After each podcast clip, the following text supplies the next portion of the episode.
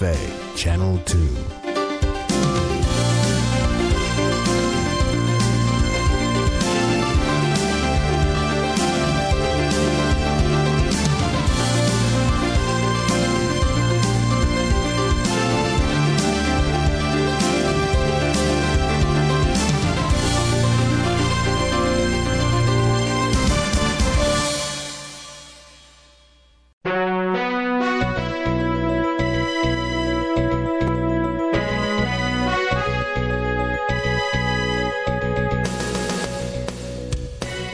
Is Radio Free Asia. The following program is in Burmese. မင်္ဂလာနေ့နဲ့ခင်ပါရှင်လွတ်လပ်တဲ့အာရှအသံ RFA ရဲ့2021ခုနှစ်စက်တင်ဘာလ29ရက်ဗုဒ္ဓဖူးနေ့နဲ့ခင်းအစီအစဉ်တွေကို American ပြည်ထောင်စုဝါရှင်တန် DC မြို့တော်ကနေစတင်တန်လွှင့်နေပါပြီရှင်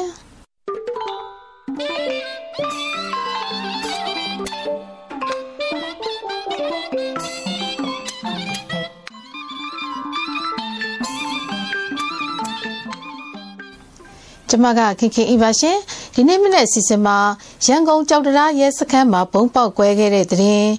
စကိုင်းတိုင်းမုံရွာကစစ်အာဏာသိမ်းဆန့်ကျင်တဲ့လူငယ်20ဖမ်းဆီးခံရပြီးတယောက်သေဆုံးခဲ့တဲ့အကြောင်း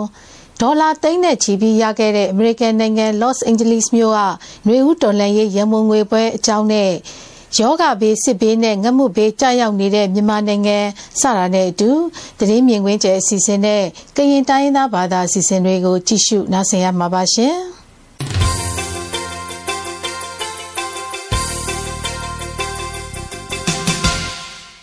ရန်ကုန်တိုင်းကြောက်တရားမြို့နယ်စူးလေဖျားလန်းကကြောက်တရားမြို့နယ်ရဲစခန်းမှာ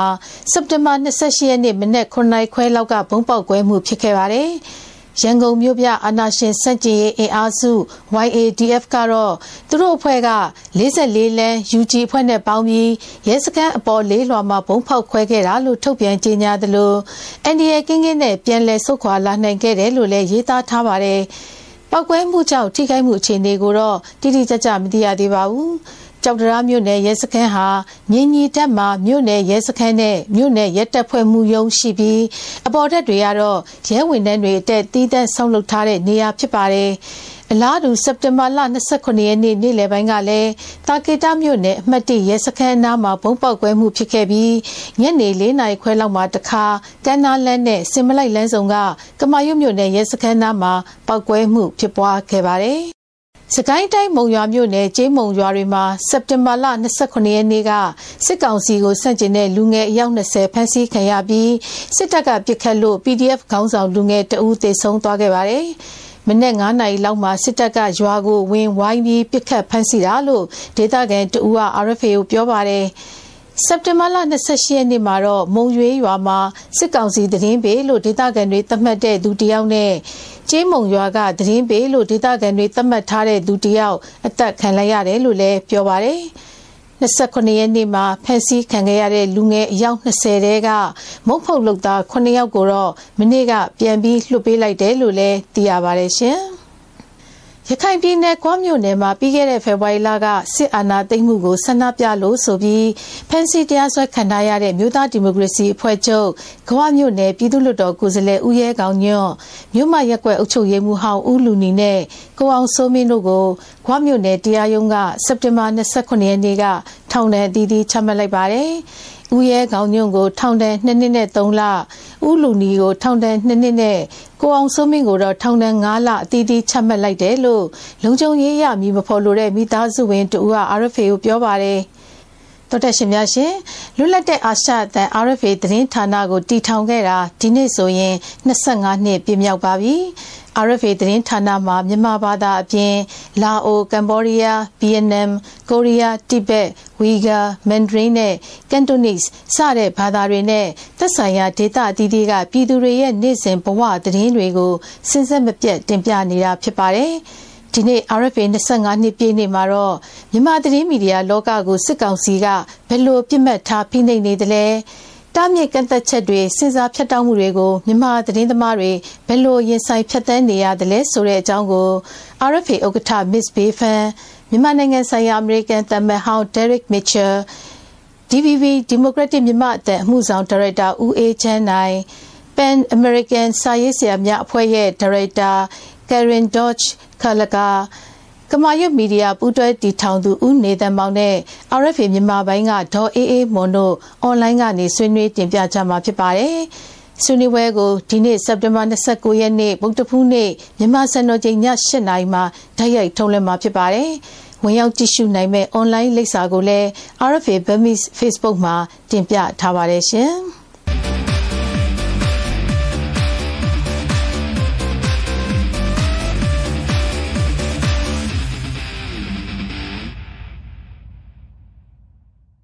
RFA ရဲ့စီစဉ်တွေကိုတော်တက်ရှင်တွေကြည့်ရှုနေရတာပါ။ COVID-19 Delta variant ကူးစက်ပြန့်နှံ့တဲ့အတွက်အရှေ့အာရှနဲ့ပစိဖိတ်ဒေသစီးပွားရေးနှေးကွေးတယ်လို့ကမ္ဘာ့ဘဏ်ကပြောကြားချိန်မှာမြန်မာနိုင်ငံဟာယောဂဘေးစစ်မဲ့ဘေးကြာရောက်နေပြီးငတ်မွတ်မဲ့ဘေးလည်းကပ်ပါလာနေတဲ့အကြောင်းဒေါ်ဆန်းဆန်းတင်ကတင်ပြထားပါတယ်ရှင်။ COVID-19 Delta variant ကူးစက်ပြန့်နှံ့တဲ့အတွက်အရှေ့အာရှနဲ့ Pacific ဒေသစီးပွားရေးနလန်ပြန်ထူလာမဲ့အခွင့်အလမ်းနှဲပါရတယ်လို့ကမ္ဘာ့ဘဏ်ကဒီလ29ရက်နေ့ကပြောကြားချိန်မှာမြန်မာနိုင်ငံမှာဒေါ်လာဈေးအလွန်အမင်းတက်နေပါတယ်။စစ်ကောင်စီအားပေါ်ကျေးမုံသတင်းစာမှာတင်ဒီလ29ရက်မှာအမေရိကန်ဒေါ်လာမြန်မာငွေ1955ကျပ်နှုန်းရှိတယ်လို့ဖော်ပြပါတယ်။သိချင်ရင် Google ခောက်ကြည့်ဆိုတဲ့အတိုင်းခောက်ကြည့်တဲ့အခါမနေ့ကစက်တင်ဘာ28ရက်မှာ ဒေါ်လာ1800ကျော်ရှိတာတွေ့ရပေမဲ့ ပြင်ပပေါက်ဈေးဒေါ်လာကျပ်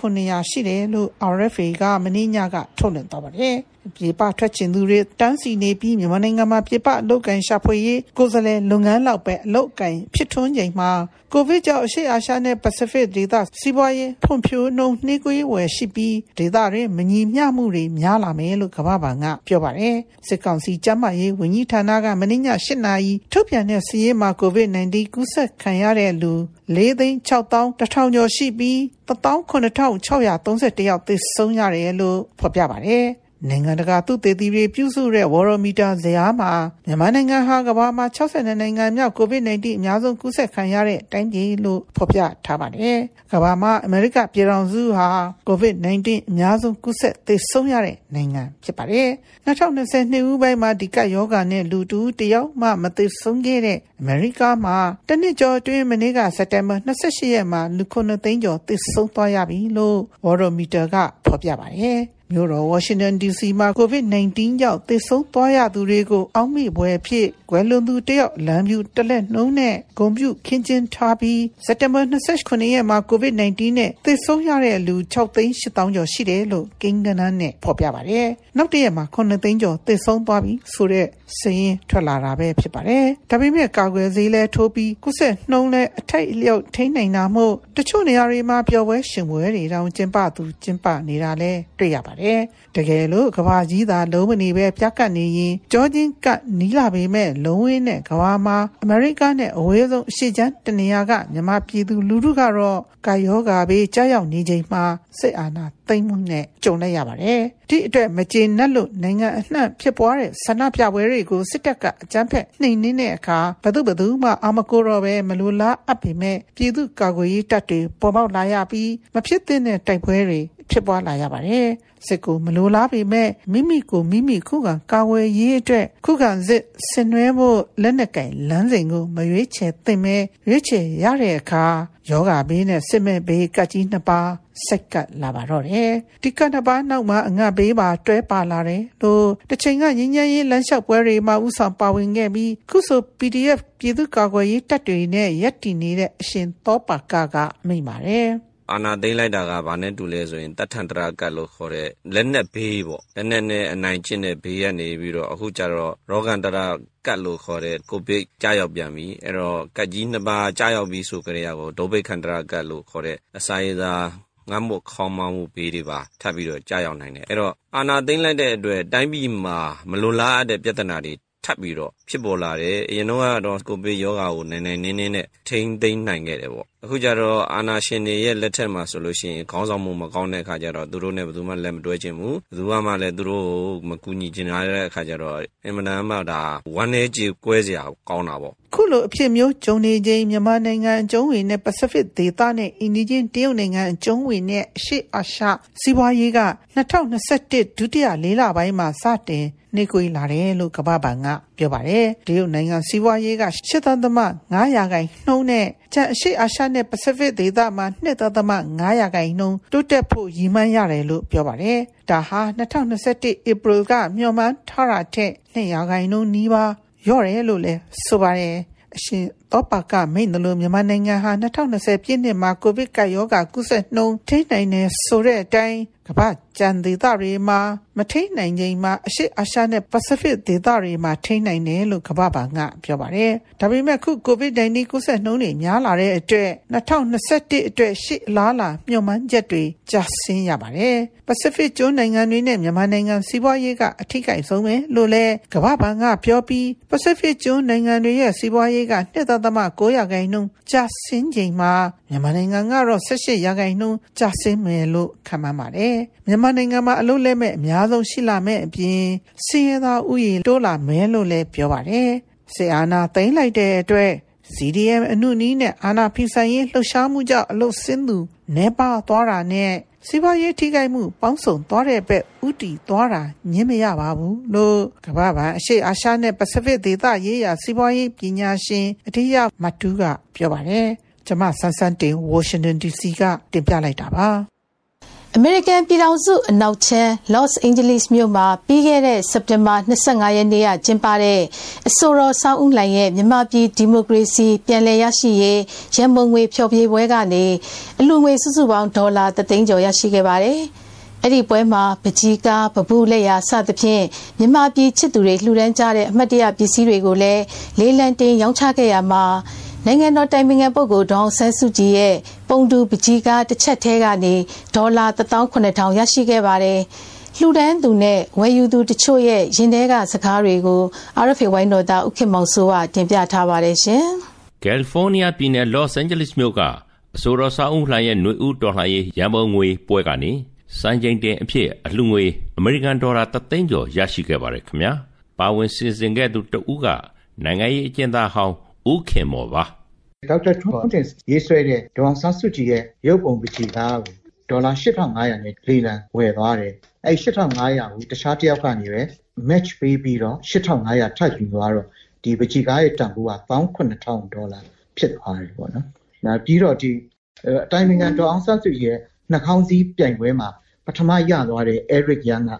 သူရထားတဲ့ရွှေချင်းကားပြားလေးကိုလေလံတင်တာ1000ဒေါ်လာ ရသွားပါတယ်နောက်ပြီးတော့ကိုစောင်းဦးနိုင်ကသူ့ရဲ့ဂီတာကို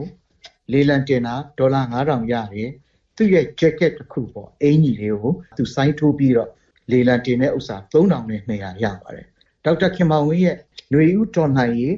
လက်သုံးချောင်းထောင်နဲ့ပပူးကိုတော့ဒေါ်လာ2000နဲ့လေလံဆွဲသွားပါတယ်အဲ့တော့ကျွန်တော်တို့အားလုံးအဲ့ဒီနေရာစုစုပေါင်းသသိန်းနဲ့1000တီတီကိုကျွန်တော်တို့အလှူငွေရခဲ့ပါတယ် ကယ်လီဖိုးနီးယားပြည်နယ်မှာမြန်မာဆရာဝန်အများအပြားရှိပါတယ်ခင်ဗျာမြန်မာပြည်ဒီမိုကရေစီပြန်လည်ရရှိရေးမှာသူတို့တက်ကြွစွာအခုပါဝင်နေပါတယ်ဒီပွဲမှာဒေါက်တာထွန်းတင်ရေးဆွဲတဲ့ဒေါအောင်ဆန်းစုကြည်ပုံတူပကြီးကားကိုဒေါ်လာ8500နဲ့လေးလံအောင်ခဲ့သူကတော့ဒေါက်တာကျော်မိုးဖြစ်ပါတယ်အဲအရန်ကိုအသက်ဝင်တဲ့ပကြီးကားဖြစ်တယ်ပြီးတော့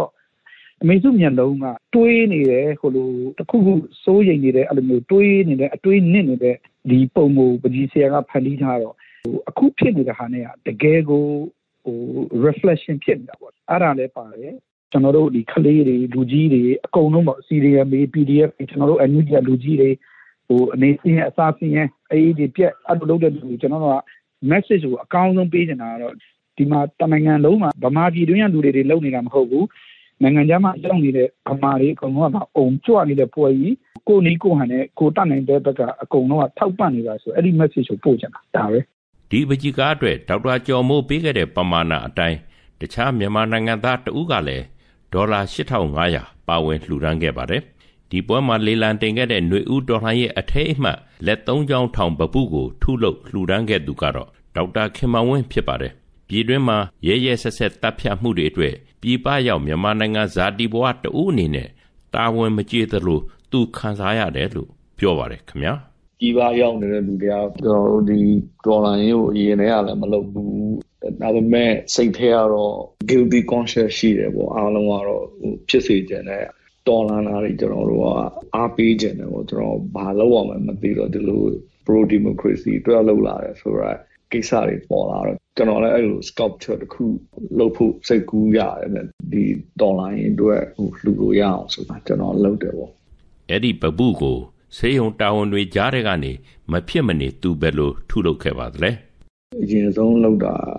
အဲ့တော့ clay model နဲ့လုပ်တယ်ပေါ့နော်ရှုံပေါ့နော်ရှုံကဟိုကျွန်တော်တို့သိရရှုံနေအများပြင်ရေနဲ့လုပ်တဲ့ရှုံပေါ့ water based clay ပေါ့ကျွန်တော်လုပ်တဲ့ဟာတော့ wild based clay ပေါ့လားစီနဲ့လုပ်တဲ့ရှုံပေါ့နော်ဆိုအဲ့ဒါကိုကျွန်တော် sculpture အနေနဲ့လုပ်တယ်ပေါ့အဲ့ဒါကိုကျွန်တော်က silicon ဆိုရဟို rubber လိုဟာမျိုးနဲ့အပွားနေမိုးပြန်ဖြစ်အောင်လုပ်ရတယ်အဲ့ဒီမိုးမှာတခါအကြံနေမှလုပ်ပြီးတော့မှကျွန်တော် casting ပေါ့အဲ့ဒါ final product ထွက်လာအောင်လုပ်တယ်ပေါ့ဒီလုပ်တဲ့ material gas ကတော့ကျွန်တော်တို့ရန်ကုန်မှာဆိုရင်တော့ကြောက်ပတ်သီးနဲ့နော် plaster of paris ဒါပေမဲ့ကျွန်တော်လုပ်တဲ့ဟာကတော့ အဲ့ဒီကြောက်ပတ်သီးအမျိုးအစားပဲပဲသူကသူနဲ့ဟိုဟာနှစ်ဆသုံးဆလောက်ပိုခိုင်တဲ့အင်္ဂလိပ်ဟာမျိုးနဲ့ကျွန်တော်လုပ်တယ်ပေါ့ကျွန်တော်အဲ့ဒါ acrylic seal အဖြူအောင်ပြန်တုပ်လိုက်နောက်တဦးကတော့နိုင်ငံတော်အတိုင်ပင်ခံပုဂ္ဂိုလ်ဒေါ်အောင်ဆန်းစုကြည်ကျင်းပခဲ့တဲ့နှာခေါင်းစည်း Max ပြိုင်ပွဲမှာပထမဆုရခဲ့တဲ့ဒေါက်တာ Eric Yang ကသူရရှိခဲ့တဲ့ရွှေတင်းကားပြကိုရန်ပုံငွေအတွက်လှူဒန်းခဲ့တာကိုဒေါ်လာ1000နဲ့လေလံဆွဲခဲ့တဲ့ ကိုဝေဖြိုးနဲ့မယမင်းသွင်တို့ဇနီးမောင်နှံဖြစ်ပါတယ်။ဆူရှီအစားအသောက်ဆိုင်လုပ်ငန်းနဲ့အမေရိကမှာအောင်မြင်နေသူတွေပါ။အဆိုတော်ဆောက်ဦးလိုင်းရဲ့ဂီတာကိုလည်းဒေါ်လာ9000နဲ့သူတို့ဝယ်ယူခဲ့ပါတယ်။မတရားအဖမ်းခံရတယ်ထောင်ထဲရောက်တယ်ဒီမှာတတိုင်းပြည်လုံးဒီလိုမျိုးဖြစ်ပြနေတဲ့ဟာတွေပေါ့နော်နှိပ်စက်ခံရတာတွေအကုန်လုံးလွတ်မြောက်ဖို့ကတော့ကျွန်တော်တို့အားလုံးဟိုတတက်တအားနဲ့ပါဝင်မှပဲလွတ်နိုင်မယ်လို့ယုံကြည်တယ်ပေါ့နော်အဲဒါကြောင့်မို့လေလူဖြစ်တာဒီပွဲမှာပါဝင်လှုပ်ရှားခဲ့သူတွေ လူသန်းသူတွေလေလံဆွဲသူတွေအားလုံးက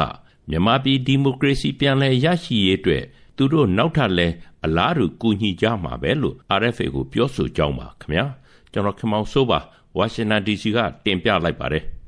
အခုဆက်လက်ပြီးသတင်းမြင်ကွင်းကျဲအစီအစဉ်ကိုထုတ်လွှင့်ပါမယ်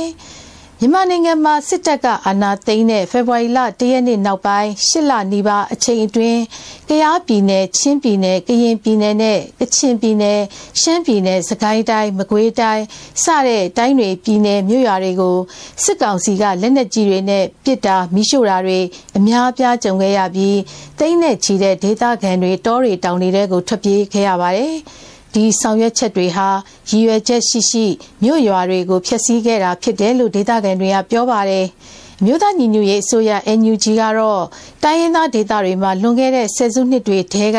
စစ်တပ်ကျင့်သုံးခဲ့တဲ့ဖြက်လေးပြက်စစ်စင်ရေးပုံစံမျိုးဖြစ်တယ်လို့ပြောပါတယ်။ဦးတင်အောင်ခိုင်ကဆက်လက်တင်ပြပေးပါမယ်။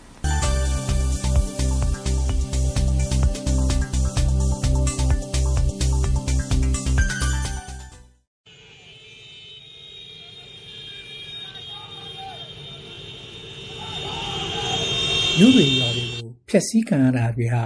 ဖေဖော်ဝါရီလတရက်နေ့နောက်ပိုင်းပြည်သူတွေကအာဏာသိမ်းတာကိုငြိမ်းချမ်းတဲ့နည်းနဲ့ဆန္ဒပြဆန့်ကျင်တာကိုအင်အားသုံးဖြိုခွင်းတာတွေလူလာပြီးတဲ့နောက်ပိုင်းမှာဖြစ်ပါတယ်။ပထမဆန္ဒပြပွဲဥဆောင်သူတွေကိုဖမ်းဖို့စစ်ကောင်စီကမြို့တွေရွာတွေရက်ွက်တွေကိုဝင်ရောက်စီးနှင်တာတွေစတင်လုပ်လာပါတယ်။ဒီချိန်မှာအေပီလာလောက်ကစပြီးချင်းပြည်နယ်၊ကယားပြည်နယ်၊စကိုင်းနဲ့မကွေးတွေမှာ ပြည်သူ့ကာကွယ်ရေးတပ်ဖွဲ့ PDF တွေကိုဖွဲ့စည်းပြီးစစ်ကောင်စီကိုတိုက်ခိုက်လာကြပါတယ်။ကချင်နဲ့ကရင်ပြည်နယ်တွေမှာလည်း KIO နဲ့ KNU တို့ကစစ်ကောင်စီကိုတိုက်ခိုက်ပါတယ်။စစ်ကောင်စီဘက်ကတုံ့ပြန်တာကတော့ KNU တပ်မဟာ9နယ်မြေရွာတွေပါမကြံလေကြောင်းကနေတိုက်ခိုက်ခဲ့တာဖြစ်ပြီးသူတို့ကားတွေမိုင်းဆွဲခံရတဲ့ဒေသတွေ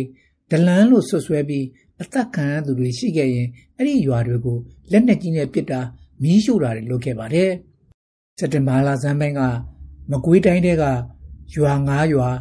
အင်ဂျီတရာကျော်မီးရှို့ခံရပြီးရွာတွေကိုပိတ်ပြီးရှာတာတိုက်ခတ်တာတွေလုပ်လာပါတယ်။အလားတူစက်တင်ဘာ23 24ရက်နေ့တွေကရဲမိသားစုဝင်9ဦးအသက်ခံတဲ့ကိစ္စနဲ့ဆက်နွယ်ပြီးသခိုင်းတိုင်းဒဇယ်မြို့နယ်ကြီးကုန်းရွာကိုနှစ်ကြိမ်တိုင်တိုင်မီးရှို့လို့ရွာလုံးကျွတ်ထွက်ပြေးခဲ့ရပါတယ်။ တရားပြည်နယ်မှာလည်းအီပီလာတွင်မှာဒီမော့ဆိုမြို့နယ်အပါအဝင်ရွာပေါင်းများစွာတိုက်ခိုက်ခံရတာကြောင့်တောင်းနဲ့ချီတဲ့ဒေသခံတွေအိုးအိမ်စွန့်ခွာထွက်ပြေးရပါတယ်။တစ်ဆက်တည်းကြားပြည်နယ်တွင်ဝင်ရောက်တဲ့လမ်းမကြီးတွေကိုလည်းစစ်ကောင်စီကပိတ်ဆို့ထားတာကြောင့်ဒုက္ခသည်တွေအတွက်ရိတ်ခါပို့ဖို့အခက်အခဲကြုံနေရပါတယ်။ဒီမော့ဆိုမြို့ကဒုက္ခသည်တွေကိုအကူအညီပေးနေသူတူပြောပြတာကသူတို့မှလည်းကတည်းကထွက်ပြေးတဲ့ခံကျတော့ဒီစာနာရိတ်ခါတို့ နောက်ချစ်တောင်တို့မုန်းကတော့တော့မပါသွားဘူးပေါ့နော်အဲ့လိုမျိုးချင်းနေရှိရဗျဟုတ်အဓိကကျွန်တော်စိတ်ခေါ်မှုကကျွန်တော်လမ်းကြောင်းအကလုံးပိတ်ဆို့နေတယ်ကျွန်တော်တို့ဘယ်လိုမှလမ်းကြောင်းရက်ခံတယ်လို့မရတော့ဖြစ်နေတယ်ပေါ့နော်ကျွန်တော်တို့တောင်းလို့ဆိုလို့ရှိရင်ဟိုအသက်ကိုဖက်နဲ့ထုတ်ပြီးတော့မှဆူဆူဆာသွားတဲ့အခြေအနေမျိုးဖြစ်နေတယ်ဟိုကလေဒီလိုဆောင်ရွက်တာဟာလွန်ခဲ့တဲ့နှစ်ပေါင်းများစွာကတည်းကစစ်တပ်ကတိုင်းရင်းသားနယ်မြေတွေမှာပြုလုပ်ခဲ့တဲ့စစ်စင်ရေးပုံစံဖြစ်တယ်လို့အမျိုးသားညီညွတ်ရေးအစိုးရလူအခွင့်အရေးဝန်ကြီးဌာန ပြည်ထောင်စုဝန်ကြီးဦးအောင်မျိုးမင်းကပြောပါတယ်။ခိုးရင်တော့တိုင်းရင်းသားဒေသတွေမှာကျင့်သုံးနေတဲ့ဖြက်လေးပြက်ကိုနောက်ထပ်ပုံစံတစ်နဲ့ပြန်ပြီးတော့ကျူးလွန်နေတဲ့ပုံစံမျိုးဖြစ်ပါတယ်။ဖြက်လေးပြက်ဆိုတာကတော့အဆက်အသွယ်အကုန်လုံးဖြတ်တာပါ။နောက်ထောက်ပံ့မှုတွေဖြတ်ဖို့အစားအစာရိတ်ခါတွေဖြတ်ဖို့သတင်းစကားတွေဖြတ်ဖို့နောက်တစ်ခါသူတို့ဟိုကူညီနေတဲ့လူသစ်စုဆောင်းတာတွေဖြတ်ဖို့ဆိုတဲ့ရည်ရွယ်ချက်ဖြစ်ပါတယ်ပထမဦးဆုံးအကြောက်တရားနဲ့သူတို့အုပ်ချုပ်တယ် နောက်တစ်ခါအိမ်နေပါတွေကိုမီးရှို့ဖျက်ဆီးပြီးတော့ထောက်ပံ့မှုခိုလုံတဲ့နေရာမရှိအောင်လုပ်တယ်နောက်တစ်ခုပိုဆိုးတာကဟိုတနစ်စာပြင်ဆင်ထားတဲ့ကောက်ပဲတီးနှံစားနှက်ရိတ်ခါတွေပါတမင်သက်သက်ရည်ရွယ်ပြီးဖျက်ဆီးရယ်အခုဆိုပိုဆိုတာ internet ခေါ်တဲ့ကျွန်တော်တို့ဆက်သွယ်မှုပါဖြတ်ပါတယ်အဲ့ဒီမှာဖြစ်ပြနေတဲ့သတင်းစကားတွေကိုတခြားလူတွေမသိအောင်နိုင်ငံတကာမသိအောင်အမှောင်ပိတ်ပြီးတော့လုတ်ချင်တိုင်းလုပ်မယ်ဆိုတဲ့ပုံစံတိုင်းပဲဖြစ်ပါတယ်စစ်ကောင်စီပေါ်ဆွဆွဲပြောဆိုမှုတွေနဲ့ပတ်သက်ပြီးစစ်ကောင်စီပြောရေးဆိုခွင့်ရှိသူ ဗိုလ်ချုပ်ဇော်မင်းထွန်းကစက်တင်ဘာလ18ရက်နေ့ချင်းပြည်နယ်ထန်တလန်မြို့မှာ CNF နဲ့ CDF ပူးပေါင်းအဖွဲ့နဲ့စစ်ကောင်စီတိုက်ပွဲဖြစ်တာမှာစစ်ကောင်စီတပ်ကလက်နက်ကြီးတွေနဲ့ပစ်ခဲ့တာကြောင့်လူနေအိမ်20လောက်မီးလောင်ခဲ့ပြီးမြို့လုံးကျွတ်ထွက်ပြေးခဲ့ရတဲ့ကိစ္စကို CNF နဲ့ CDF အဖွဲ့တွေဟာမြို့တွင်လူနေတိုက်ခန်းတွေပေါ်ကနေတိုက်ခိုက်လို့ဖြစ်တယ်လို့မြမအလင်းနဲ့မြပရီသတင်းစာကိုပြောခဲ့ပြီးအခုလိုမငြိမ်မသက်ဖြစ်အောင် စက်တင်ဘာ9ရက်နေ့က NUG ထုတ်ပြန်ခဲ့တဲ့ကြေညာချက်ကြောင့်ဖြစ်တယ်လို့ပြစ်တင်ဝေဖန်ပါတယ်။ NUG CRPH လို့အကြမ်းဖက်အဖွဲ့တွေအနေနဲ့ဒီမြန်မာနိုင်ငံတဝင်းလုံးမှာမငြိမ်မသက်ဖြစ်အောင်အင်းရင်အေးချမ်းမှုထိခိုက်အောင်အတွက်သူတို့ဆောင်ရွက်လျက်ရှိတယ်။လာဇာမိုင်း9ရက်နေ့တုန်းကပို့ပြီးတော့じゃပြိပက္ခတွေဖြစ်ပွားလာအောင်မြောက်ပင်ပေးတဲ့ကြေညာချက်မျိုးထုတ်ခဲ့တာရှိတယ်။အဲအဲ့နောက်ပိုင်းမှာလည်းဒီချင်းကြီးနယ်တ ချို့နေရာတွေမှာ မငြိမ်မသက်မှုတွေ ပိုဖြစ်ပွားလာတာ တွေ့ရပါတယ်။ဘုကျုံမင်းထွန်းက ထန်တလန်မြို့မှာမင်းကြီးသက်ဖို့ လာရောက်တဲ့ ရာပြည့်နှစ်ချင်းအသင်းတော် သင်းအုပ်ဆရာတူအပြစ်သက်ခံရတဲ့ ကိစ္စကိုလည်း စစ်တပ်ကပြစ်တယ်ဆိုတာညင်းဆိုပြီး စုံစမ်းစစ်ဆေးမှုတွေ လုပ်နေတယ်လို့ ပြောပါတယ်။အဲ့ဒီနေ့က လက်နက်ကြီးတွေနဲ့ အပြစ်ခံရတဲ့ ထန်တလန်မြို့ကန်တသောင်းလောက် အိုးအိမ်စွန့်ခွာ ထွက်ပြေးခဲ့ကြပါတယ်။လက်ရှိ စစ်ကောင်စီတပ်တွေနဲ့ အနေနဲ့အရရက်က PDF အဖွဲ့တွေတိုင်းရင်းသားလက်နက်ကင်တွေအပြန်အလှန်တိုက်ခိုက်မှုတွေဇက်တိုက်ရှိနေပြီးမြို့ရွာတွေလက်နက်ကြီးနဲ့အပြစ်ခံရတာတွေမိရှုခံရတဲ့သတင်းတွေနဲ့အတူအိုးအိမ်စွန့်ခွာထွက်ပြေးတာတွေလည်းမြင်တွေ့နေရပါတယ်။ဖေဖော်ဝါရီလ၁ရက်နေ့စစ်တပ်ကအာဏာသိမ်းပြီးချိန်ကစပြီးစက်တင်ဘာလအထိအိုးအိမ်စွန့်ခွာထွက်ပြေးရသူ2သိန်းကျော်ရှိပြီးထွက်ပြေးတဲ့အရေအတွက်ဟာစက်တင်ဘာလပထမပတ်နဲ့ဒုတိယပတ်မှာတင် တခြားလနေနဲ့နှိုင်းယှဉ်ရင်18ရာခိုင်နှုန်းလောက်တိုးလာတယ်လို့ UNHCR ဒုက္ခသည်ဆိုင်ရာမဟာမင်းကြီးရုံးကစက်တင်ဘာလ15ရက်နေ့မှာထုတ်ပြန်ထားပါတယ်ခင်ဗျာကျွန်တော်တရားခိုင်ပါဒီသတင်းကို American နိုင်ငံ Washington DC မြို့ကနေစူးစီးတင်ပြခဲ့တာပါအခုနောက်ဆုံးကရင်တိုင်းရင်းသားဘာသာစီစဉ်ကိုထုတ်လွှင့်ပေးပါမယ်ရှင်။နော့ဆာမှုဝစီစဉ်တင်ဆက်ထားပါတယ်ရှင်။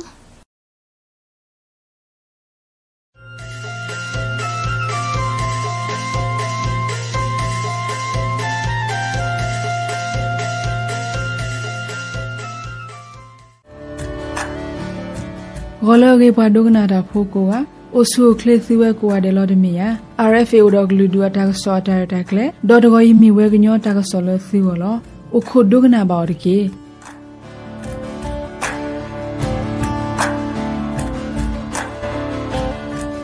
ကညောကောဆေမူထရကိုရေခီယန်ယူကညောဒကလုဆေပူဂရတကေယတပဟဂောအပူ ตุกกะกะบอยุดูดาดพาเฮยูเวโกมุนิขะขะโฮละตะฟิอมออพูตะตาบติตะติดพาโอเวเร လောကပုတိတပါစီဝနီလောကဘောယူတပါဟဲဝဲတတော်တဘလမိဒမိခီတော်တဘလနီလောဖက်ကဘောယူတပါမေဟအစကတော်ပပတိတမတိတပါဒေါ်ဘခိအခုတူအဝေတဝဖုလအုဖဲဒေဘုနိုဒကစီဝနီလောမင်းဟုကဘောယူအကလူတော်နေဘခိအခုတူကဘောယူမေကီတော်ကေမာတလည်းဟိပမာဒီနီလောတမဘတလည်းတတဘလေမှုမှုခုခုအပူပါပတနောနေအခုတူလည်းပွားဘူးလားတနော်တိထော့တယ်လည်းပွားဘူးတော့အဝဲဖဲနေလားတဟက်ကီဆူဟိလည်းပါ တနောနေဟက်ကီအိုလည်းဟိလောကဘောယူအီမေဟကွာတလော့တော့လူခူတာ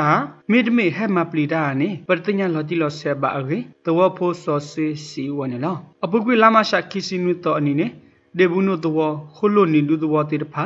ဒေါခီအန်ယူတုကလတာလော်တနောတုကကရပါထောက်ခါဝလဲကဘောယူဒူဒါခုပတိအိုဒဘဒိုအိုသောဒေါ်စကတော့ခဲဟီဒူတော့ဖိုလဲအတဝအုပ်ဖခလိုကလိုနီတေတဖာဘခုတာပူတော့အိုဆိုဝဲကေတင်ညာပါနေလော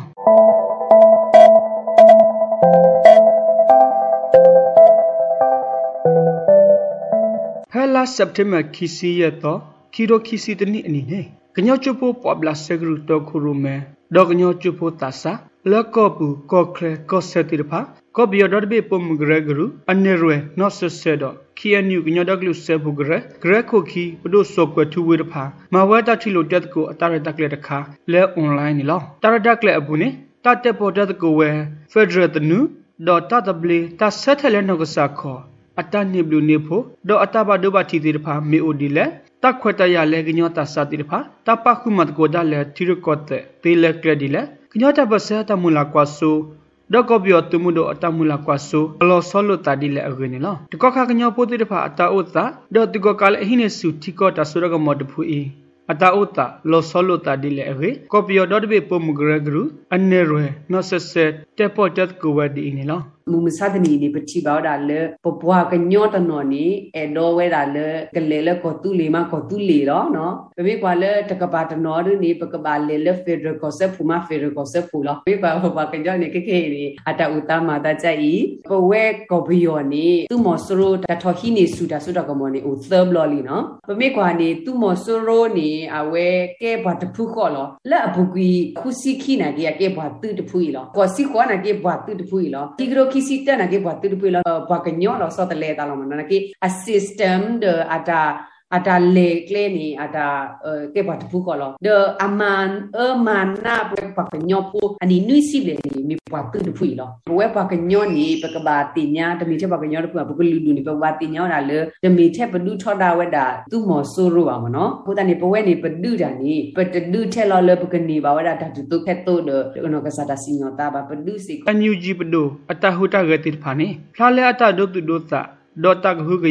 ကလူဒုတိတဖာဖောခုအိုဝဲပါစာပမနုအခုဘမှုစပုဂရတဖာတပပနောအော်ဒီပဒုတဖူဒီပါလေအေခီအန်ယူပညာဒကလူစပုဂရဂရခုခီပဒုစောကွတူဝရှက်ပြဝဲဒီအင်းလော UN me pa no da NUG le ko do de UN a agent khel ga jene SCC ko horo le ko yo khel ga se la ba da so da mo le SCC NUG ne ka di international ta pa no le te ya win pdu ba ba jene thi ko ga de ka pa no pdu da le apu da no ko de pa apo pi thi ko ne ko အဝဲဒီလိုရှိတော့ခဲ့တဲ့ဟောခုဘောမှုတပါပနောဝဲတော့ဘာခိပုနေတယ်လခုစားလကပုတိကိုင်းနေနော်ဖူဒီပါစကတော့ခဲတာစာတိဖာတလဲအဒိုသိညာမေအိုနေကရတိကွာဝဲတာခုနာတိဖာဖလူဖလူပလပလာနေလောတကရတဲပါဒီပကမခုနာတိဖာပါဒီတော့ဘကကျူထောဝဲတာဆူခါဆုညာတပ်ပစေအတမူလာကွာဆိုဟော့တဲအောပကပသိညာဝဲတာဒူဒါတိဖာသီရကောတဲ့အတအိုဆက်တဲ့ဒေါ်တပ်ပစေအတအိုဆက်တဲ့လဲနေအမညာ ပကပတိညာစစ်ကောကလူဒုခဲလေချီရကောတဲ့တာဥဆက်တဲ့ဒေါ်တပစေတာဥဆက်တဲ့ခဲလေအခေနော့ဆဆက်တဲ့ပေါ်တဲ့ကိုတေဝနေလားပစီဘလဘတ်ဒုကွာနေလက်ဒုခုဒုကနာကညောကလိုအတာရဒကလေအင်းလား ဗုဒ္ဓဖူးနေနဲ့ခင် RFA ရဲ့စီစဉ်တွေကိုလည်းဒီမှာပဲရနာခွင့်ပြုပါရှင်ဒီနေ့မနေ့စီစဉ်ကိုတာဝန်ခံအဒီတာကိုနေရင်ကျော်အစီစဉ်ထုတ်လုပ်ရေးမှူးကိုချေနဲ့အတူ RFA ဝိုင်းတော်သူဝိုင်းတော်သားတွေပူးပေါင်းတင်ဆက်ခဲ့တာဖြစ်ပါတယ် RFA ကိုကြည့်ရှုနားဆင်တဲ့အတွက်လည်းကျေးဇူးတင်ပါတယ်တောတက်ရှင်မြမပြည်သူပြည်သားအားလုံးဘေးရန်ရဲ့ပေါင်းကကင်းဝေးကြပါစေရှင်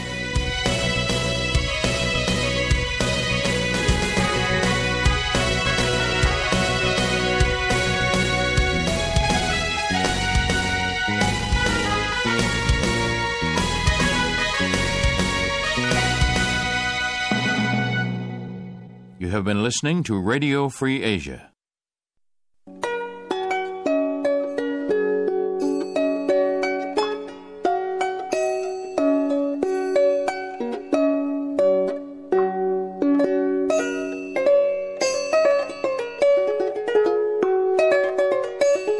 This is Radio Free Asia.